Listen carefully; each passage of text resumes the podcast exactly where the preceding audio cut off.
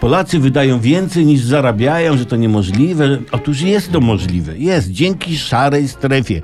Już analitycy Deutsche Banku doszli do wniosku, że szara strefa stymuluje rozwój gospodarki. Szara strefa to inaczej produkcja niezarejestrowana, omijająca opodatkowanie, czyli na przykład, nie wiem, szycie w piwnicy garniturów bossa, dolewanie wody do piwa, uchwalanie ustaw za pieniądze, wygłaszanie felietonów na lewo i tym podobne. Sprzedaż tych usług odbywa się za gotówkę, bez rachunków, faktor i tego typu bździąg, bzdur takich tych. Szara strefa zawsze była dźwignią gospodarki. Taki Polak. Weźmy go.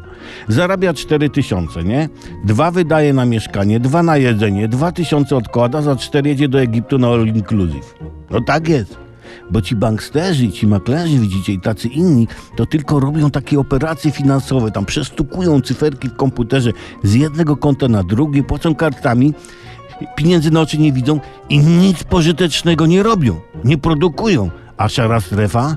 Szara strefa haruje, produkuje, kombinuje. Dlatego kraj jeszcze funkcjonuje, gdyż mniej pieniędzy trafia do rządu, yy, czyli że, że się nie marnuje. No bo wiadomo, rząd jest w stanie zabrać ludziom i roztrwonić każdą kwotową sumę.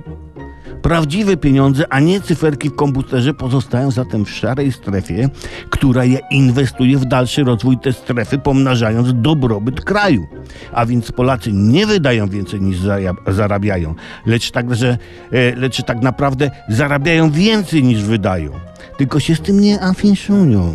Z powodu nabytej za pieniądze z szarej strefy skromności. Tacy jesteśmy i takich się kochamy.